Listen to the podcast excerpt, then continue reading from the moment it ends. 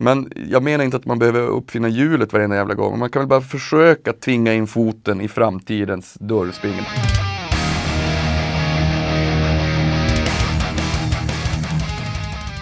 Torsdag och hög tid för Rockpodden. Varmt välkommen och eh, glad valborg på er alla som lyssnar så här på releasedagen. Idag har jag det stora nöjet att ha Per Nordmark som gäst. Han är ju en man som inte alls nöjer sig med att göra bara en sak här i livet.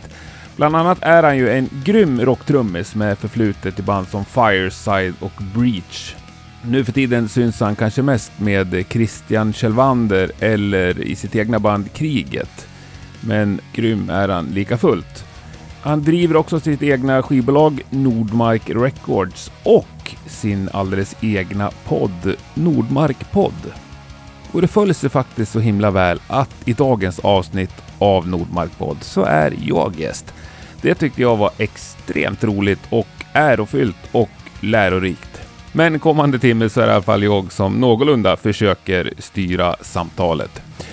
Vill du stödja Rockpodden så gör du det bäst och enklast på patreon.com rockpodden. För två dollar i månaden så får du ett bonusavsnitt varje månad. Du kan också till exempel just nu vara med i utlottningen av två par finfina in-ear-system ifrån Sennheiser. Bara en sån sak. Känner du att en engångssumma passar dig bättre så funkar det utmärkt med Swish också. 070 77 38 200 77 38 200. Men nu flyttar vi ner i studion där det här avsnittet spelas in för några dagar sedan. Du lyssnar på Rockpodden. Per Nordmark är dagens gäst. Jag heter Henke Branneryd och jag önskar dig en god lyssning. Välkommen till Rockpodden Per Nordmark. Underbart Henke! Jävlar distare, du har så stark röst alltså. Härlig, bred, fyllig norrländsk. Fan vad kul! Verkligen roligt. En poddkollega. Mm. Och eh, även, du, du kvalar in på två. Intressant poddkollega och eh, svinbra rocktrummis. ja, tack. Jag har ju kört mycket trummisar genom åren. Mm. Nästan blivit nischad på trummisar. Trumpodden. Nej, ja, och snudd på alltså. Mm.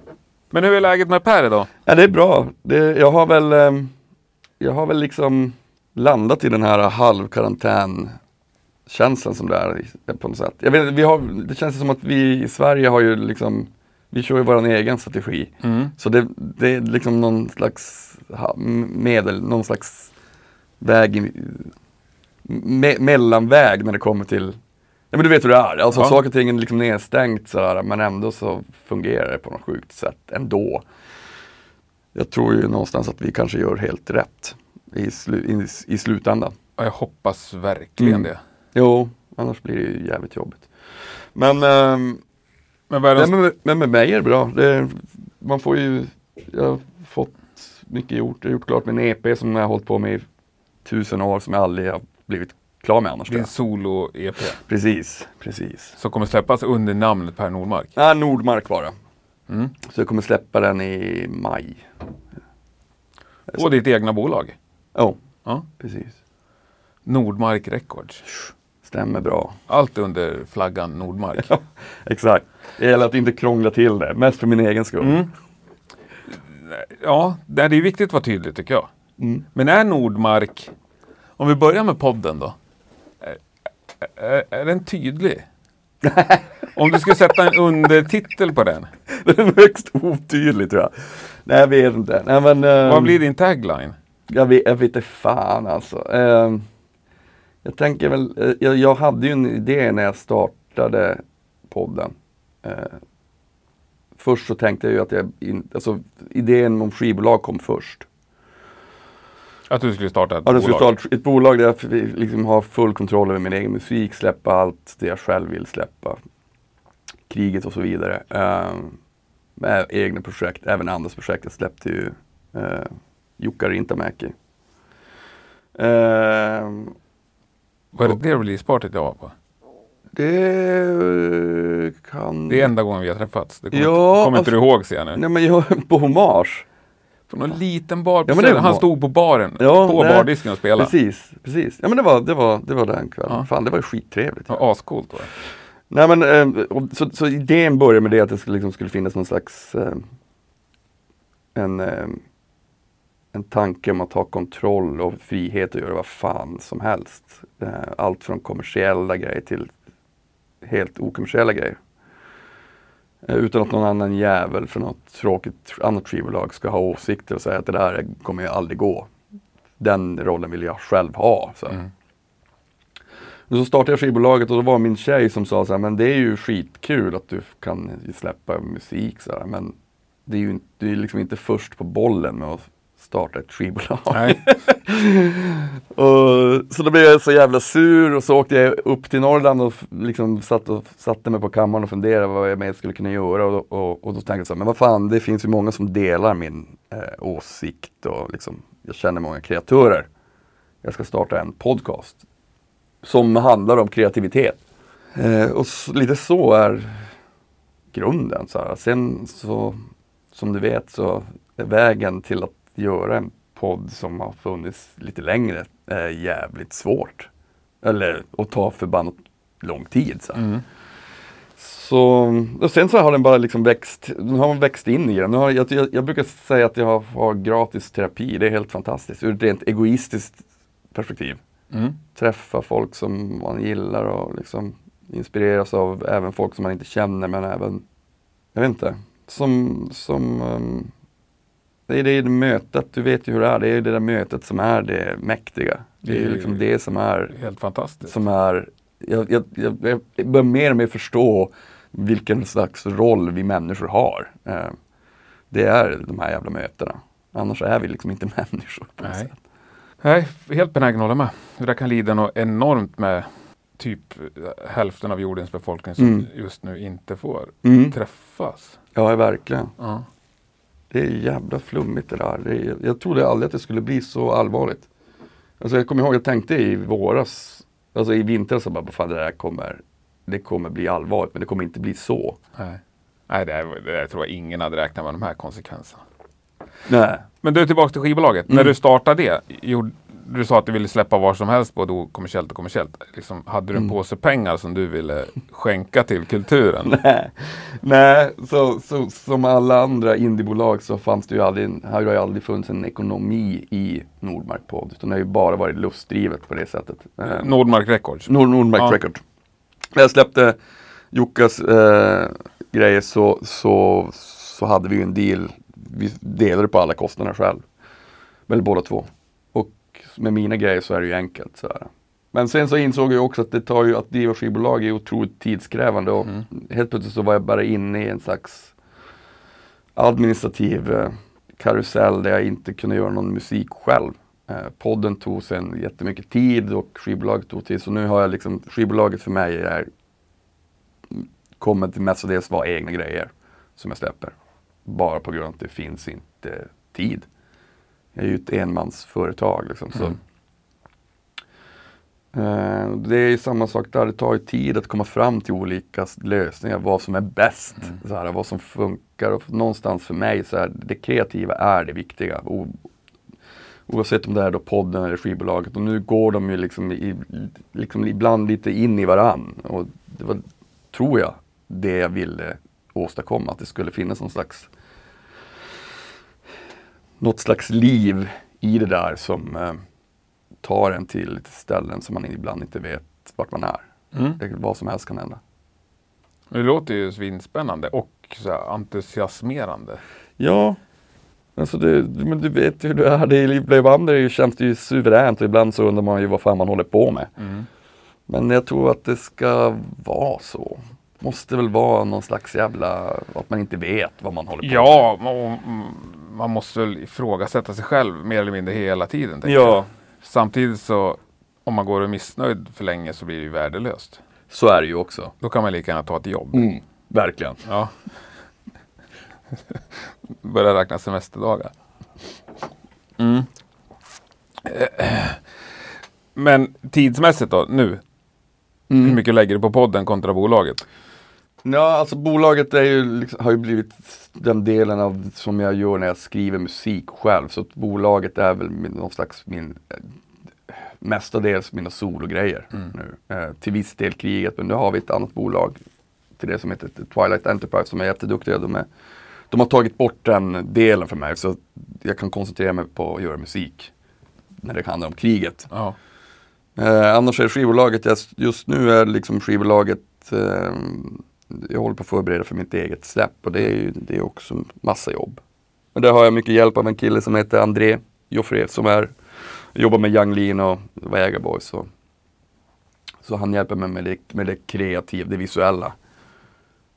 Man måste ju hitta, jag tror det, liksom, man måste hitta folk som delar ens visioner och som eh, är där och tvärtom såklart, när, när, när, när, man, när man har någonting som man vill åstadkomma. Men är inte det jäkligt svårt med liksom soloprojekt eller ja, soloverksamheter? Att hitta folk som delar Ja, visionen och brinnet framförallt. Man får ju göra det på olika sätt. Jag har ju liksom, eftersom att jag är själv så har ju vissa Det här skulle jag väl tycka kanske att man borde göra på bredare front. Jag delar ju, vissa, vissa av de som jag jobbat väldigt nära med delar jag med mig av låtskrivarandelen till också. Om Alltså inte- monetärt. Ja, Ja. alltså om det inte finns en, om det inte finns en, eh, en, en, en tydlig budget så måste man ju kanske ibland hitta andra lösningar. Så här, för att, Du menar att om jag gör ett omslag så kan jag få 10% av exakt, royal? Ja. precis. Jag tycker det finns, det finns någonting gammeldags med att man liksom ska hålla på sitt hela tiden. Så här, jag, jag skiter egentligen i en låt, jag kan göra en ny låt. På det sättet. Mm. Men samtidigt så tycker jag ju att alltså det, man ska ju, det, allt ska ju vara skäligt. Så här. Men eftersom att jag är själv så kan jag ju dela med mig av några procent, det är väl inga problem. Det borde, jag, jag hoppas att det blir mer vanligt på det sättet. Så här. För det finns så många kreatörer som gör det så Just det här, så här ja, men fan kan du göra omslaget? Nej, jag har inga pengar.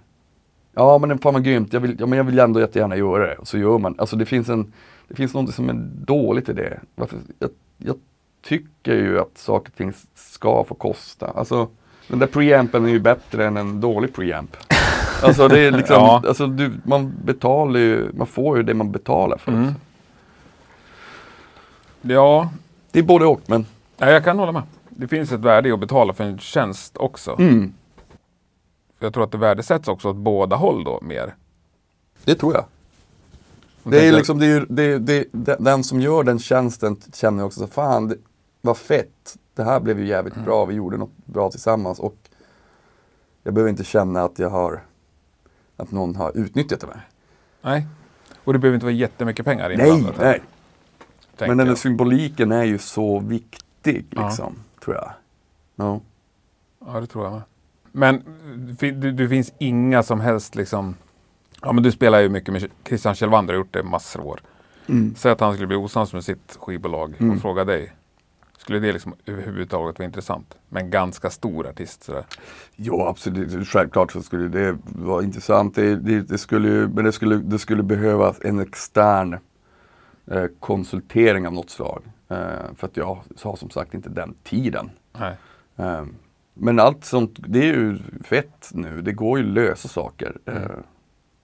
hyfsat enkelt. Så jag. Men jag menar, oftast så är det ju idéer stannar ju, att man inte slutför saker beror ju oftast bara på att man bygger upp ett problem i sig, sitt egna huvud.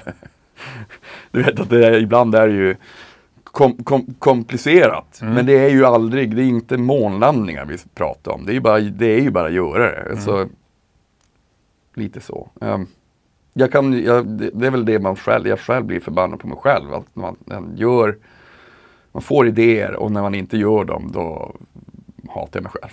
För då känns det som att jag inte har testat liksom. Det är ju bara, Men, flummar jag iväg här. Men det är ja, bara, det är bara, underbart. Men, Men är det- alla idéer tillräckligt bra för att ens testa? Ja, alla idéer är ju lika bra idéer som en dålig idé. Eh, Jag tycker verkligen man ska testa det. Och på samma sätt som om man ska göra en låt så kan man ibland göra en dålig låt. Och då får man slänga den. Eller släppa den. Mm. Det är inte hela världen.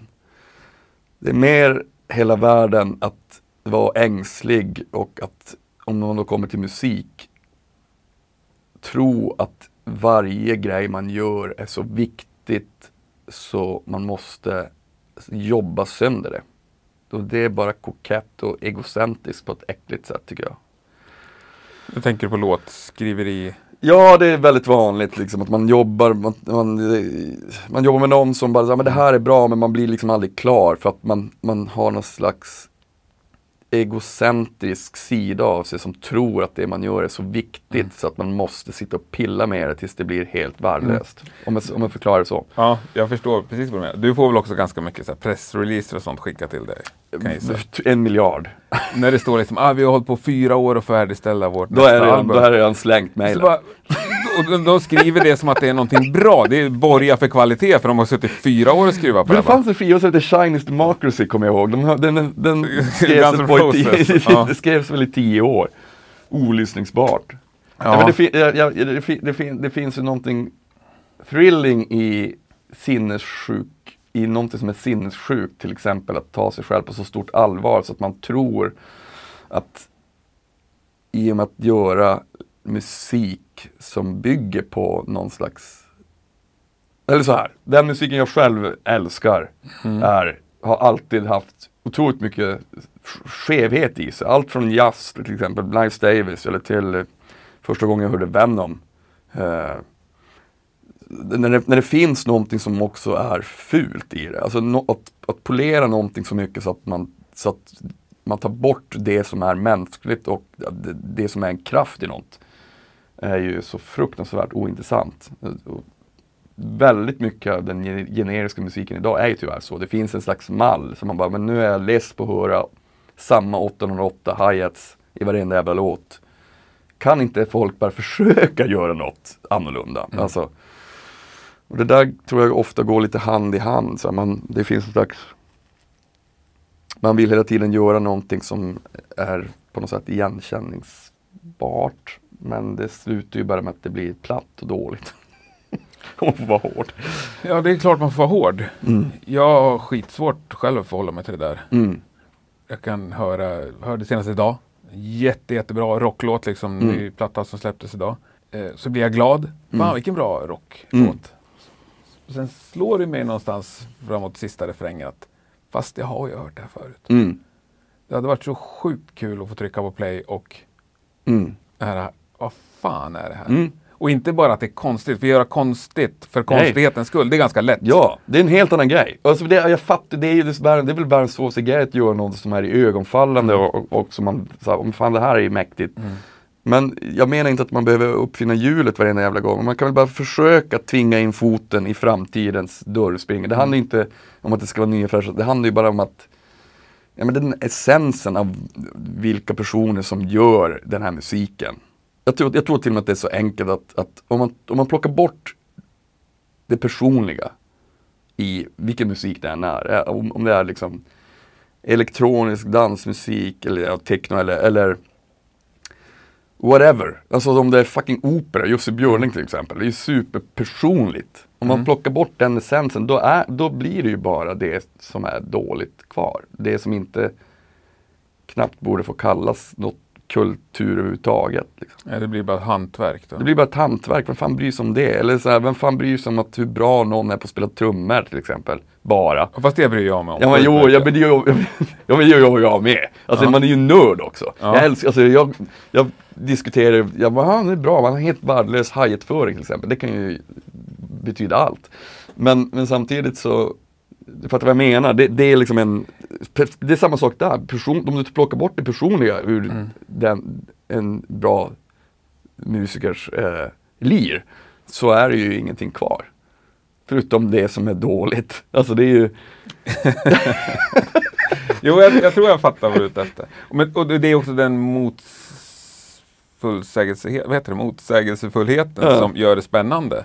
mm, Att man vill att trummisen ska vara bra. mm, Men samtidigt är det personliga som gör att det blir riktigt bra. ja. Men här ska det vara både och. Liksom. Ja, alltså, så- men såklart, det måste ju kunna gå varvet runt. Mm. Alltså, så här, men Ja, det är ja. väl som med vilken konst som helst. Så här, jag, om jag skulle ställa mig och måla en, olj, alltså en oljemålning och jag har ju aldrig gjort det så skulle det med största sannolikhet bli fruktansvärt dåligt. Eh, Mm. Jag skulle kanske kunna lura någon Men det, jag, jag har inte den, jag har inte epitetet målerikonstnär. Alltså fattar du? På samma sätt om jag skulle ta den målaren att sätta sig bakom trummorna så skulle det, det 99% förmodligen vara så om denna person inte hade spelat trummor. Att hen är helt sämst. Alltså att man inte kan Mm. sätta epitetet trummis. Mm. Det, är liksom, det finns en essens i, i ens eh, hantverk som man, och uttryckssätt som är det enda viktiga som finns tycker jag. Personlighet. Och bara någon slags vilja att vilja göra något. Men är det essensen i ditt skapande också? Jag, nu vill inte, jag vill inte låta självgod på det sättet. Jo, men gör gärna Men, jag, men, Nej, men jag, jag vet inte, jag, jag har alltid sedan jag var liten ändå liksom uppskattat, alltså även när jag, alltså alltifrån när jag var lite första gången jag lyssnade på Buddy Rich till exempel som Mm. jag är helt matad med. Eh, så så känd, fattade jag snabbt, det, det är skillnad på honom och på de där andra trummisarna som jag inte bryr mig så mycket om. Vad är det? Eh, även när jag hörde Lars, jag tycker att Lars Ulrika är bland de bästa trummisarna i världen. Det är ju för att han är så fruktansvärt dålig. Men det, gör ju inte, det tar inte bort att han är en intressant trummis. Han är ju liksom, han, på de gamla skivorna spelar han ju skitbra, nu är han ju sämst. Fast tyckte du han var dålig då? Nej, tyckte han var svinbra. Men jag tyckte också att det var konstigt. Jag tänkte så här, jag har aldrig hört någon spela så här. Och det är ju för att han är helt, han spelar ju väldigt okonventionellt på något sätt. Han spelar ju så yxigt så att det låter ju, ibland låter, det låter inte klokt. Men det är ju coolt. Jaha, jag kommer ihåg så här, en Justice for All. Hur gammal är du? Jag är 43. Är du 77? Sex, nej, 76 är jag. Ja, det är jag med. Ja. Då var, Äh, vi, Justice for All, det var ju för mig. då var vi lika gamla. Och när One, dubbelkaggarna där, alltså vi satt och flyttade tillbaka och lyssnade på det om. Det var ju det hårdaste vi någonsin Mm. Ja har men hört. exakt, det var ju, alltså fan, uff, vilken bra skiva det är fortfarande. Ja, det är den där basen som saknas lite. Ja men det är det som är så fett, att man saknar inte den när man hör den. För att det, basen är ju på något Jo. sätt i, i puken och kaggen så här. Det låter för jävligt. Men har du, hört, samma sak har, där. har du hört den versionen när de har vridit upp basen, alltså överdrivet? Det finns framförallt en Blackend. Ja, Alltså det är så, han lirar också så sjukt bra hårdrocksbas. ja. Men så är det överdrivet högt istället. Det, här är coolt. ja fan det måste, det måste jag lyssna på.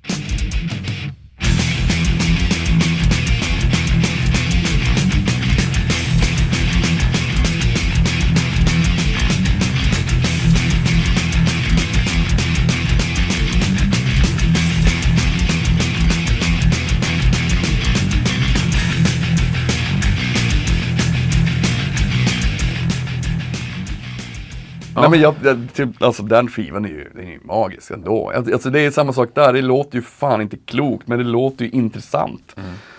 Kommer, jag- hur var det, jag, jag tänkte då så här, bara, vad fan vad det, hur det här låter, jag har aldrig hört något hårdare. Det var liksom så jävla brutalt när den skivan, när jag upptäckte den skivan, den sopade ju jag, jag fick typ ont i huvudet när jag lyssnade på den, men jag kunde inte sluta ändå för det var så hårt. Typ. Nej men jag, jag köper helt den personlighet. Mm. Och även liksom Metallica som band, James Hetfield, du har något uttrycksfullt i honom. Ja, alla de där. Alltså och det- alltid haft, liksom, fast det varit olika Mm. saker. Mm. Ja. ja, det är sjukt få stora artister som inte har Jo, något. nej men precis. Alltså det, om man benar i den där essensen så är ju det som är intressant. Alltså det är så här, det är, även typ om man tänker på Metallica så är det ganska, det är ganska, mm, egentligen är det ju helt orimligt att de blev så stora som de blev. Världens fulaste band. Om man jämför med alla andra, du vet så här, som det gick bra för då. Mm.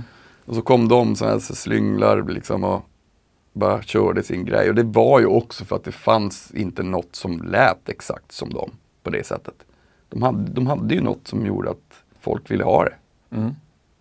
Det är ju jävligt mäktigt. Det, det finns ju någonting i det här att inte, när, när, om man tar bort cynism från musik och någonting som blir, alltså till skillnad från någonting som är storbolagsskapat som kanske kan flyga. Så kommer det inte göra det i slutändan ändå för det finns ju ingenting där. Om man tar bort, om man tar bort då det där som är det kulturella, det essensen som är det personliga. Så till slut så är ju, så känner folk det. Ja. Men finns det fortfarande? Det här storbolagsskapade?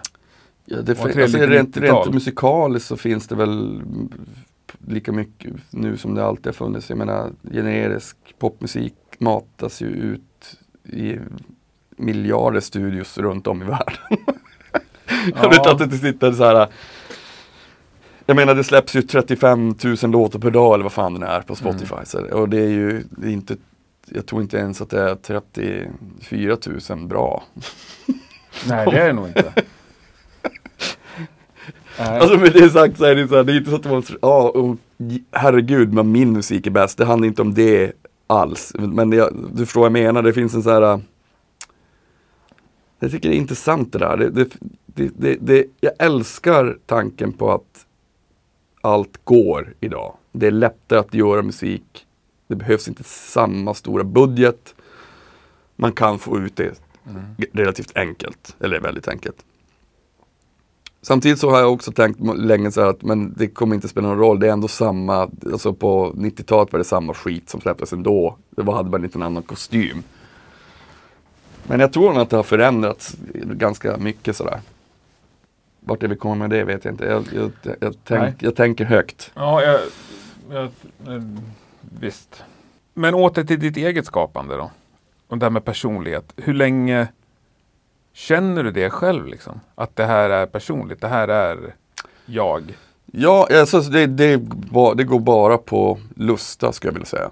Eh, om, jag, om jag känner något när jag sitter och skriver, då är det något. Och eh, off, det gör jag en gång av tio kanske. Ja, men du känner den lusten när du skriver. Mm. Du drar ihop någon liten dema snabbt, kopplar in Ja. och lägger på några enkla pålägg. Mm, Och ja. lusten är kvar. Men sen när du börjar utveckla en låt och liksom när du är framme Ja. vid mixer. Ja. Har du kvar den där känslan? Eller litar du på utgångs... Nej, det brukar jag lita på. Men jag bruk, för mig brukar det vara så att bruk, jag brukar ha kvar en känsla så länge jag jobbar med den. Alltså, alltså ofta så proddar jag gör, och ofta så mixar Frans, den som sitter här inne, Hägglund. Och då lämnar jag den helt. Jag sitter liksom inte med i mix. Han är så jävla bra så jag behöver inte göra det. Ehm, och då har jag, han hör vad jag har gjort för prodd så då vet han vart jag vill. Men just själva processen är ganska enkel. Jag sitter och gör, ibland så gör jag klart en låt en dag. Eh, ibland så får den marineras i någon mapp. Så tar jag fram den och så känner jag det här var ju helt jävla värdelöst. Och då slänger jag det.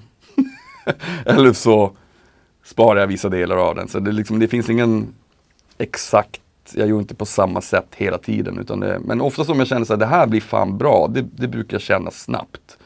Och då försöker jag göra klart den så snabbt det går medan den känslan infinner sig. Och det som är bra då, är det känslan eller är det också hittigheten? Nej, det, hittigheten skiter jag fullständigt i. Jag känner, jag, Fullständigt? Ja, jag känner bara, jag, jag går bara på vad jag själv tycker är fint. Men om du skulle skriva en låt som du verkligen inser, fan det här är ju en hit. Ja, det skulle inte vara, ja, men det, det kan jag göra men, men det är inte det, jag gör inte den musiken eh, på det sättet. Alltså med, med kriget till exempel så är det ju helt utan, det finns ju, det är ju, det är snarare liksom helt anarkistiskt skrivet på det sättet. Det finns inga givna mallar eller givna vändor i låtarna. Nej. Utan det är väldigt, det, det är vad som, låten tar oss dit låten vill på något sätt. Ja, Bara, här ska det vara instrumentalt fram till sista minuten. Okej, då blir det så. Ehm, Min polett har inte riktigt ramlat ner på kriget. kan jag erkänna. och det, det, du, du är inte ensam där. Men vet du vad som har hänt mig hemskt många gånger? Eh, Att poletten inte riktigt ramlar ner Mm. när man gör research och så här inför en intervju och sen så tycker jag så jävla mycket om personen så Mm. liksom direkt på vägen hem då börjar jag lyssna och så inser jag shit vad bra det här är. Och du får lyssna på senaste, den är väl minst konstig tror jag. Ja, jag har provat. Ja, men den, är, den är kärv. Den är kärv. Ja. Nej men eh, det, det är väl liksom, eh, när det kommer till mina sologrejer, då, då är det ju Ja, Vart landar de musikaliskt då? Ja men det är väl någon slags, för mig är det jättefilmiskt. Jag, jag, inspireras allt, väldigt mycket av Ennio Morricone och eh, nu jämför jag mig inte med honom. Men det finns eh, Ennio Morricone, Fabio Fizio, Carpenter såklart. Eh, framförallt hamnar det väl någonstans mellan Carpenter och, eh, ja, jag vet inte, Aphex Twin om man får vara Men är det instrumentalt? Nej, det, nej, det är med sång Nej, också. ja. Det är hälften hälften ska jag väl säga. Det är några grejer som är instrumentalt och några som är vokal. Men du spelar allt och sjunger? Det mesta, precis. Ja. Jag sjunger. Men det är riktiga trummor på? Både och. Mm. Det är riktiga trummor. Men det är ganska kul för de grejerna som jag ska släppa nu är väldigt, det är ju beatbaserat men det är väldigt, trummorna har väldigt, eh, det är väldigt Jan Hammer-aktigt. Eller liksom, Jan Hammer-aktigt. ja alltså det är liksom väldigt filmiskt och väldigt statiska trummor. Så. Eh, jag tror inte det är ett enda film, jo det är väl något, ett kanske, på hela EP. Så att jag har liksom medvetet försökt ta bort den delen av, av mig i det på något sätt. Inte att det inte är, att det hörs att det är jag, men det är, det är, eh, det, trycket ligger i syntarna, gitarrerna och, och eh, i viss del vokalerna. Henke Palm spelar på en låt. Eh, Ja. Fantastisk gitarrist, helt jävla underbar. Svenska eller engelska? Engelska. Det Nordmark. känns kul. Ja, du får lyssna sen, 20 maj. 20 maj. Ja, Det ska släppas då, är det tänkt, när jag fyller år. perfekt. Mm. Ja, det ser jag fram emot. Ingen Fireside alls i där.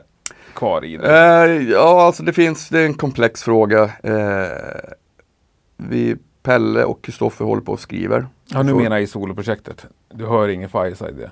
Nej, det gör man, jaha, nej, det är så. Nej. Nej, det, nej, det gör man inte. Ja, bra, Nej. då tar vi nästa. Nej, det gör man inte alls. Vad händer med Fireside nu för tiden? Nej, det, det, jag vet att eh, Pelle, eh, Gunnefelt och Kristoffer och så, de, de håller på och skriver eh, på nytt. Jag och Frans sa tack för oss efter vi hade gjort de här eh, reunion-grejerna. Och det, jag älskar ju dem. Det är liksom min, min, hela mitt liv har ju Mm. varit det på många sätt. Men samtidigt så, som det har varit det så har jag också Ja, i och med allt det här, jag, jag, det finns inte hur mycket tid som helst och jag vill göra egen musik eh, där jag bestämmer allt.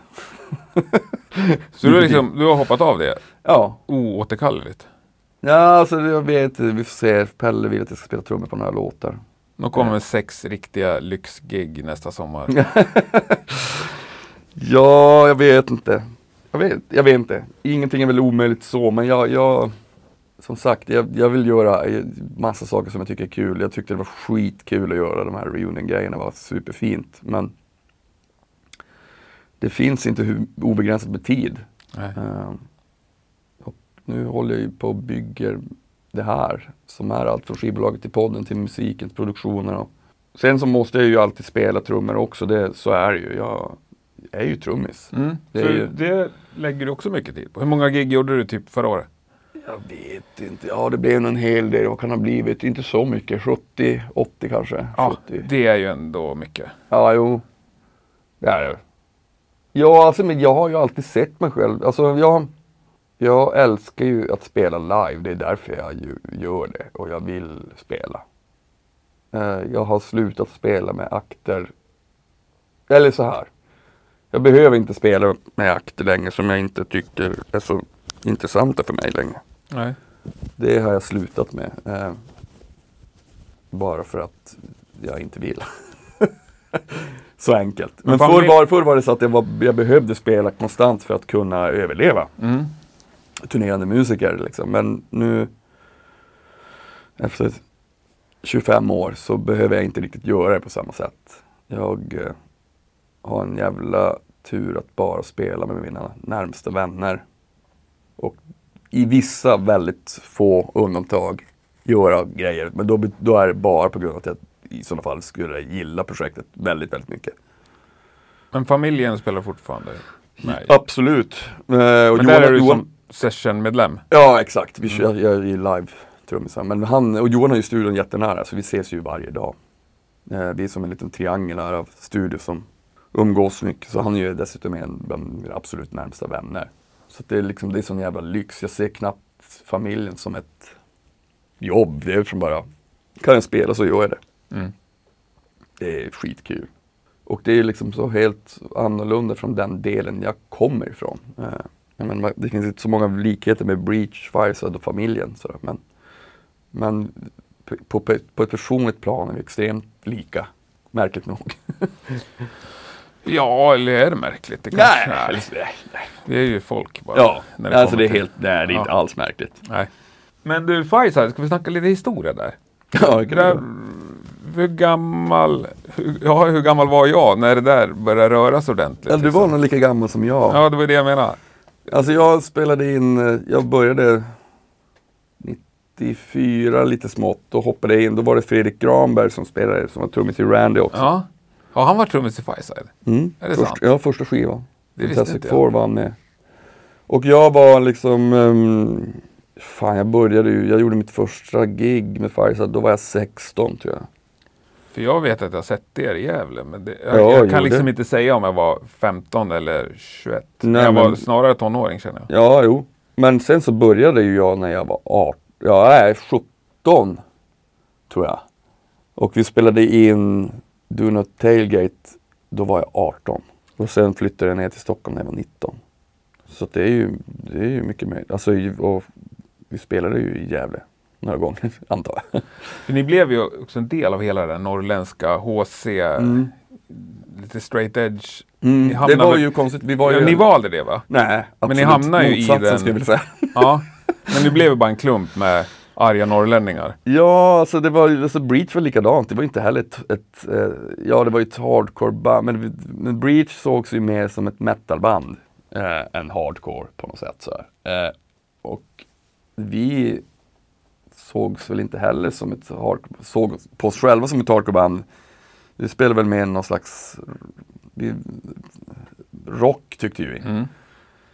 Eh, Men däremot så var det ju liksom att det fanns ju en scen där alla spelade tillsammans. Jag menar vi, mitt första band som var liksom någon slags grunge punkigt band som heter Plane som jag hade tillsammans med Johan Gustafsson som också spelar i Randy och eh, Johan Brännström, den andra från Randy. Johan Gustafsson som nu spelar i Hives också.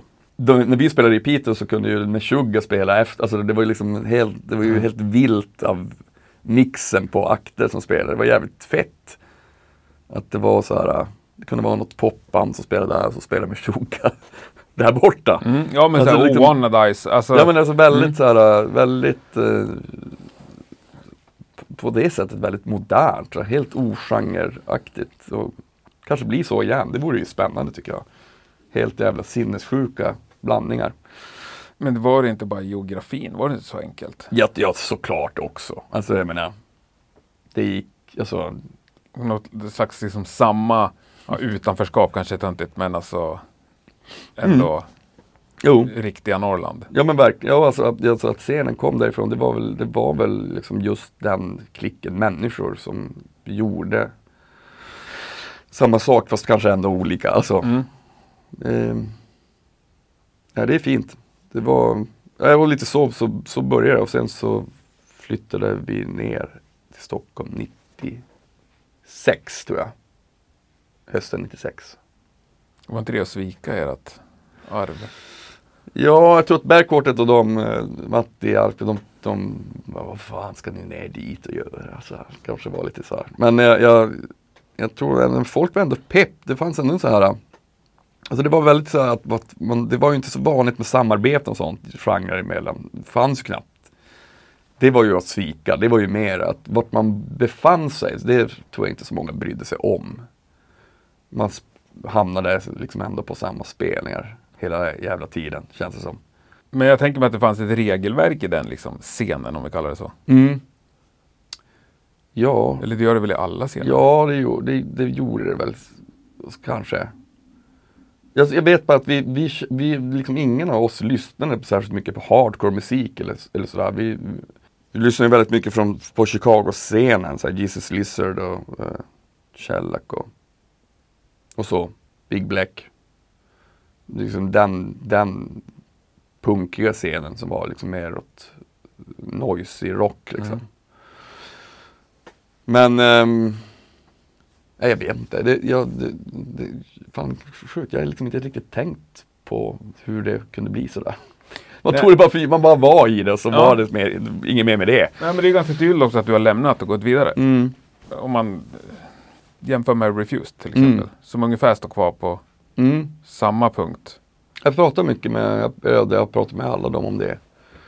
När de sen gjorde Mm. sin reunion-grej så att de, de sa ju så här, men vad fan okej, hur ska vi göra det här? Ska vi, om vi nu ska göra det så måste vi liksom göra det med essensen vad Refused är, men såklart måste vi göra det idag. Mm. Det är, jätte, det är svårt som fan. Och fint. De gör det bra. Som fan, jag såg dem i När fan var det då? I julas? På Nalen? Ja. Ja. ja, det var ju, det var, ja, de är svinbra live liksom. David, fantastisk trummis. Jävligt bra. Ja, jätte, jätte, jättebra. Jag såg dem då på den här Tompa Eken-helgen. Ja just det, just det, det var i fjol va? Ja, april förra året va? Ja just det. Ja. Mm. Det är också riktigt coolt. Mm. Ja, han är ju, de är bra, Mm. mycket bra. Nej men det där är någonting jag vet jag snackade om här i några avsnitt på slutet. Just att vissa står på samma punkt och fortsätter gräva liksom och Mm. förfina och göra bättre. Vilket jag kan älska som fan. Verkligen. Och jag kan också älska folk som helt onostalgiska och bara släpper och går vidare. Mm. Och där man inte har en aning om vart nästa grej ska hamna liksom. Precis. Precis. Men det är väl, alltså det är väl lite tillbaka till det som vi snackade om innan med essens. Det, finns, det är det som är så jävla grymt med musik i, som konstform. Att det finns ju liksom inga regler. Ja, det finns, men det är ju det är så många parametrar. Det är så fett när det, saker och ting inte är statiskt. Så här. Alltså som du, som du säger, det är ju fantastiskt med band som har låtit, som har bara varit i den här boxen och klöst Mm. i massa år. Runt, runt, runt, runt, runt Mm. och blir, bara blir bättre och bättre på det. Eh, och man kan följa någon slags eh, antingen utveckling eller nedmontering. Bå, båda grejerna kan vara, kan vara lika fascinerande. Eh, Ja, men- fascinerande att följa utifrån, ja, absolut. Vad fan vad de suger nu. De var Ja. ju så jävla bra för det är inte dumt heller. Det är ju liksom något mänskligt i det. Det finns en decay som är eh, förfall. Förfall behöver inte vara dum, dumt. Jag har aldrig tänkt på det så. Jag ska börja göra det. Se på det med kärlek liksom. Som en gammal mormor som sakta tynar bort. Mm. Ja, nej, ja, ja, jag förstår. Nej, och de som gör, alltså kolla Hives till exempel. Det Fantastiskt. blir bara bättre och bättre. Ja, Jag vet inte. Det, jag tycker de har aldrig varit bättre. Jag såg dem i somras och Ja. de är en jättenära vän till mig. Så stod jag bredvid på scenen. Bara så här, fan. Jag hade gjort en liten intervju med Pelle innan så, bara, så sa jag bara fan jag, jag, jag hoppas bara för att, alltså bara för att den här, bara för att reta er lite grann så hoppas jag bara att det kommer att gå bara lite dåligt på något ställe så här. Så att, det- för det är så jävla bra live. Och så var det något, Krille fick lite problem med trummorna. Och så stod jag bara yes, nu sker det, nu kommer det ske. Nu kommer han goofa. Och så och Pelle hade en jävla sladd runt halsen, det var kaos i monitorerna så man såg att de var lite irriterade. Och så blev det bara ännu bättre. Ja. Och det är ju det som är så fett, alltså att man Alltså när det är så här proffsigt och det är, det är sånt jävla drag och sväng och det finns en så här pondus i det, det jag älskar det. Det. Det är ju också en del av en förkovring, så här, att man, en gemenskap, en gemensam idé, en gemensam drift som gör att det blir så bra. Jag menar bara att, än en gång, och bara om någon är proffsig behöver, betyder inte att det är bra. Nej, men det är också, för mig är också Hives eh, ett exempel på liksom, där jag fattar exakt varför jag gillar rockband. Mm. Bandgrejen liksom. Mm. En bunt människor som gör varandra tusentals gånger bättre. Liksom. Mm. Det är superfint. Ja. Det är ju så jävla, det är ju fett. Ja, jag håller med. Jag tycker det är det mäktigaste som finns.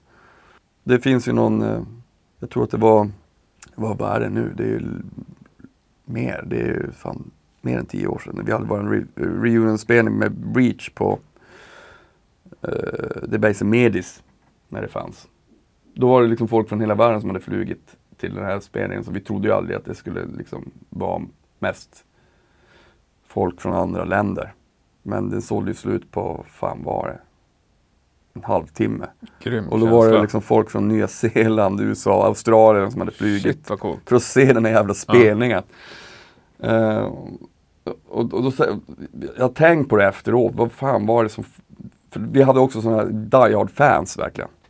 Och då, det, än en gång så är det ju personerna i den grupperingen som gör att det blir någonting som inte alltid låter som något annat. Det är liksom, personlighet är allt. Tycker jag. Mhm. Och of, ju ofta ju konstigare personligheter desto bättre musik. liksom det, det är ju en eh, Man vill ju åt en någon slags seriefigurskänsla när man, eller åtminstone jag, när jag ser ett band. Alltså, få en känsla att så här, det där kan inte vara jag, utan det är, jag fattar att det är de på scenen som är de. För att det är fyra idioter. Ja, när du inte så drömmer om att bli trummis i bandet. Vad sa du? När du inte står och drömmer om att bli trummis i bandet. på. Exakt. Ja. För att det är omöjligt. Precis. Mm. Det är liksom... Ganska det, bra betyg. Det, det, är liksom, det är så jävla fint tycker jag. Ja. Fint. Ska vi, ska vi poddnörda lite? Ja, tycker jag. Ja, men jag tycker det. Folk som lyssnar på det här, de lyssnar ändå på en podd. Mm. De måste få, det är så sällan jag pratar med andra poddar egentligen. Ja. Ja. Ska vi köra ditt avsnitt nu? Nej, vi, vi är inte klara med det än. Eh, Okej, förlåt. så jävla banal fråga tänker jag ställa nu. Men vilken är din bästa fråga? Någonsin du har ställt? Oj, fan vilken svår fråga. Jag har ju liksom inte... Jag är ju så virrig i mitt huvud så att jag, när, ofta när jag förbereder mig så blir det aldrig eh, Så blir det aldrig frågor för att jag glömmer ställa dem. Ja, jag vet Pelle Gunnefelt eh, från Färjestad, han bara "Ah, Fan bra avsnitt det där, men hur kunde du glömma och fråga det? Jag Ja. bara, men jag, jag eh, min hjärna funkar inte så. Utan det, det, det, blir liksom det, men jag, jag kommer ihåg när Mona Sahlin var med. Då frågade jag henne, hur skulle du, om, om du fick liksom åka tillbaka om, och prata med den 25-åriga Mona. Mm. Hur, hur, hur hade det samtalet blivit? Och så sen så tog vi vidare, det blev ett väldigt långt svar. Mm. Um, men det är nog, det, det var, det är nog min bästa fråga. Det, har jag bara ställt till henne. så att, jag vet inte. Alltså oftast så har jag liksom inga frågor. Det är sällan jag får liksom tydliga svar också. Det Ja. kanske liksom, jag, jag, det låter jävla flummigt, men, men jag, vet, jag, vet, jag vet inte vilket som är. Den bästa frågan är nog att jag inte har någon jävla aning Mm. om något. Ja, underbart. Det är skitkul. Men vad är det bästa med Nordmark-podd då? Jag tror att det finns eh, några... Jag tror att det kan vara att det finns en, en, en Eftersom att jag själv är så intresserad av, av, av och jag tycker att förkovring är det finaste som finns. Eh, jag blir glad när folk anstränger sig. Och det tror jag är väl liksom själva essensen i podden så här, och mina gäster. Att oavsett om du är skådis eller om du är musiker eller fotograf, att, att, att försöka förstå vad som är bakom den här artisten eller fotografen. Eller, eh, I och med att man då pratar om och lär känna personer under det här samtalet så, så får man också en, en bild av, av personens prof, profession. Mm. Än en gång så blir väl det någon slags en essens. Ja, men lite var drivet kommer ifrån. Precis, alltså, ja, det bara tror jag jag snackar om ofta också. Ja, alltså att det, varför? Det finns ju liksom, jag, jag har en, Sen jag var liten ofta ställt mig frågan varför? varför lever man? Det finns o, liksom o, oändligt många frågor. Eh, Varför nöjer sig vissa med Ja, att alltså åka jag- och jobba på ett kontor och sen åka hem och kolla på Netflix och Ja, laga alltså lite mat? of, i mina dåliga stunder så kan jag ibland fråga mig själv varför. Jag, jag, jag, jag tycker liksom att stor del av ett liv är komplett meningslöst. Jag försöker hitta, jag älskar att leva, inte Mhm. så. Men, men jag, jag tycker liksom att det är, man, man, vi, vi, vi, vi föds med jävligt absurda, under absurda premisser. Eh, och jag har ingen, jag har liksom verkligen ingen religiös åskådning. Så för mig har det alltid varit så här en, en, stor, ett stort frågetecken. Och så har jag kommit fram till att man måste bara liksom försöka ha så kul man kan och hitta mening i det man gör. För att, eh, och det är här och nu som gäller. Det är väl liksom lite grann min religion och där kommer musiken in. Det finns en mening med att känna någonting eh, när man skapar. Då kan det vara vad fan som helst. Men det makes sense för mig. Det, gör- det gör att jag förstår världen lite, lite bättre. För att den är ju, världen är ju helt, den är ju, den är ju, den är, det är ju bara kaos. Finns ju inga, vi kan ju bygga upp hur mycket regler och lagar som helst. Det, det spelar ingen roll. Det är liksom fortfarande kaos. Det, det är ju intressant. Men det är Men ju, varför älskar du att leva då? Ja, alltså stor del alltså såklart möten och inspiration men också liksom att, ehm, att jag vill ju se vad som händer. Alltså det, det här är ju superhemskt det med Corona men det är ju också fruktansvärt fascinerande. Måste jag erkänna. Det är liksom under min och våra livstid så har vi ju fått uppleva sjukt många mäktiga saker. Tänk dig på så här mellan 14 och 1600-talet så fick ju inte folk uppleva något. De dog ju när de var liksom 20 bast de flesta. Eh, de det kanske hände fick inget. äta eh, de åt liksom bara potatis eh, Ja. och något jävla saltat fläsk varje dag i ett år. Ja. Och sen, sen så kanske man fick en ny pistol om man var, Mm. liksom, var inom militären eller någonting. Annars så var livet exakt likadant. Liksom, hela tiden. Vi, vi liksom är ju matade av att, det händer nyheter konstant. Så här. Det är ju det är fett. det, är, det är roligt att leva nu än på 1600-talet. Ja, men Tror det jag. borde det vara. Mm. Jag tror långtråkigheten är mycket mindre nu. Ja. Men jag, har, jag är bra på att inte ha tråkigt. Alltså det är sällan jag har tråkigt. Liksom. Jag tycker att det är jävligt kul. Ehm, jag har väl bara ett, prob- annat- jag har ett problem att varva ner ibland. Det, det är en annan grej. Men det är jag ju van vid. Eh, så det, Du har inga problem att det blir för mycket? Att du... ja, jag har lä- jo, det, det, att det, det brinner i huvudet på mig. Det, det är ett problem. Men jag har lärt, det, jag, jag har lärt mig att börja säga nej till saker. Eh, vilket är s- svårt. Men det måste vara så. För att annars blir det för mycket. Jag har ju gått in i väggen en gång. För många år sedan. Men Men vad är det för grejer du säger nej till? Största möjliga mån inte vara med på saker, göra saker som jag själv känner att jag inte vill. Eh, det kan vara allt ifrån att gå på en middag till att vara med på någonting, alltså musikaliskt eller whatever. Alltså det låter ju som att man är en skitstövel, att man bara är egoistisk. Men det är enda sättet att inte bli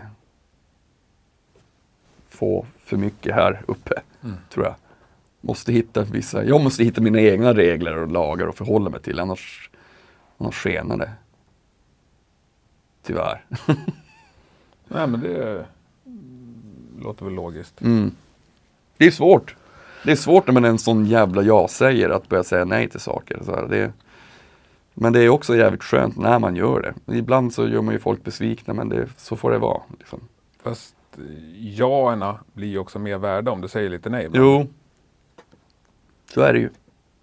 Tänk på det. Nej jag skojar. du, vad drömmer du om i framtiden? Tänker du två, tre år bort? Jo, alltså jag... eh, Nej, jag, ja, både ja och nej. Det är liksom både, jag, jag är väldigt... eh, Ja, jag tänker nog att jag... Jag ska åtminstone ha podden upp till 300 avsnitt, tänkte jag. Det är för ett mål. Mm. Och sen så tänker jag väl bara att jag vill lära, fortsätta lära mig massa stuff och bli bättre på det jag gör. Liksom. Hela tiden lära mig. Jag tycker att jag spelar bättre trummor nu än vad jag gjorde för 15 år sedan. Mycket, mycket bättre. Um, det är väl ungefär det. Försöka ha det så bra som man kan utan på någon annans bekostnad. Lite grann. Skriva massa musik. Träffa människor. Jag vet inte. Förmodligen så, det dyker alltid upp några till projekt på vägen som gör att man hela tiden får någon slags idé om att det här, just det, det här är ju ball, det här vill man göra. Jag vill, jag, jag vill alltid göra en jävla massa olika grejer. Mm. Eh, så det tänker jag att jag ska försöka klura ut. Härligt. Mm. Så ska jag avsluta tror jag med två uh, standardfrågor som jag har. Ja. Men nästan de här jämt. Mm. Vem är den mest musikaliska personen du spelar med? Den mest musikaliska personen som jag har spelat med är nog faktiskt eh, Niklas Quintana och Anders Ekström från Breach. Eh, fra, nästa, och helst i kombo tillsammans. Två fantastiska gitarrister och helt egna i sitt eh, Har de spelat ihop efter Breach? Eh, Ja, de har spelat ihop. Uh, Niklas hade ett projekt som heter Terra Tenebrosa. Uh, väldigt mörk musik. Någon slags blandning mellan noise och black metal. då. Men, um, men framförallt i Breach. Sådär. Men jag, jag, jag och Anders har skrivit väldigt mycket tillsammans. Det har, det har alltid varit eh, väldigt kul. Sådär. Och sen så Christian såklart. Vi, vi har ju blivit som ett gammalt par. Så det är liksom, eh, vi vet exakt hur vi båda svänger. Det är väldigt, väldigt, väldigt kul. För det är också någonting som har liksom, vi har också varit i den där lådan och klöst tillsammans under så jävla Mm. många år. Och sen så har man liksom bytt låda. Börjat kursa den och sen Mm. mm. Så det, det, är liksom, det har varit ett, ett långt förhållande som har bara blivit finare och finare musikaliskt. Och även, även utanför musiken. Så det är nog dem. Härligt. Sveriges mest underskattade band då? Oj. Eh, jag skulle nog vilja säga Randy när de fanns. Mm, inte alls min musik egentligen. Men de var liksom så jävla tidiga med allt och hade också, och det, tillbaka till det, otroligt eget sound. Eh, märkligt. Men- ja, jag är ju verkligen inte, jag lyssnar verkligen inte på sån musik men varje gång jag såg dem live så tänkte jag så här, fan vad bra de är. Jag tror aldrig att jag gjorde det, tyvärr. Mm. Nej, jag skulle säga Randy. Ja, bra. Får jag snacka med Granberg så det blir en reunion. det verkar långt borta för dig. Ja, Ja. det kommer nog inte ske tror jag. Nej. Nej. Ja men kul. Ska jag tacka för min tid? Ja, gör det. Ja, Nu är det din tur. Ganska bra. Fan vad spännande.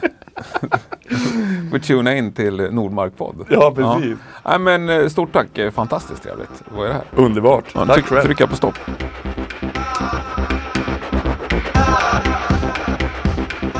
Ja, nej men satan vad jag tyckte det där var trevligt. Eh, Stort tack Per! Och det var ju faktiskt bara halvtid här, för nu bytte vi ju...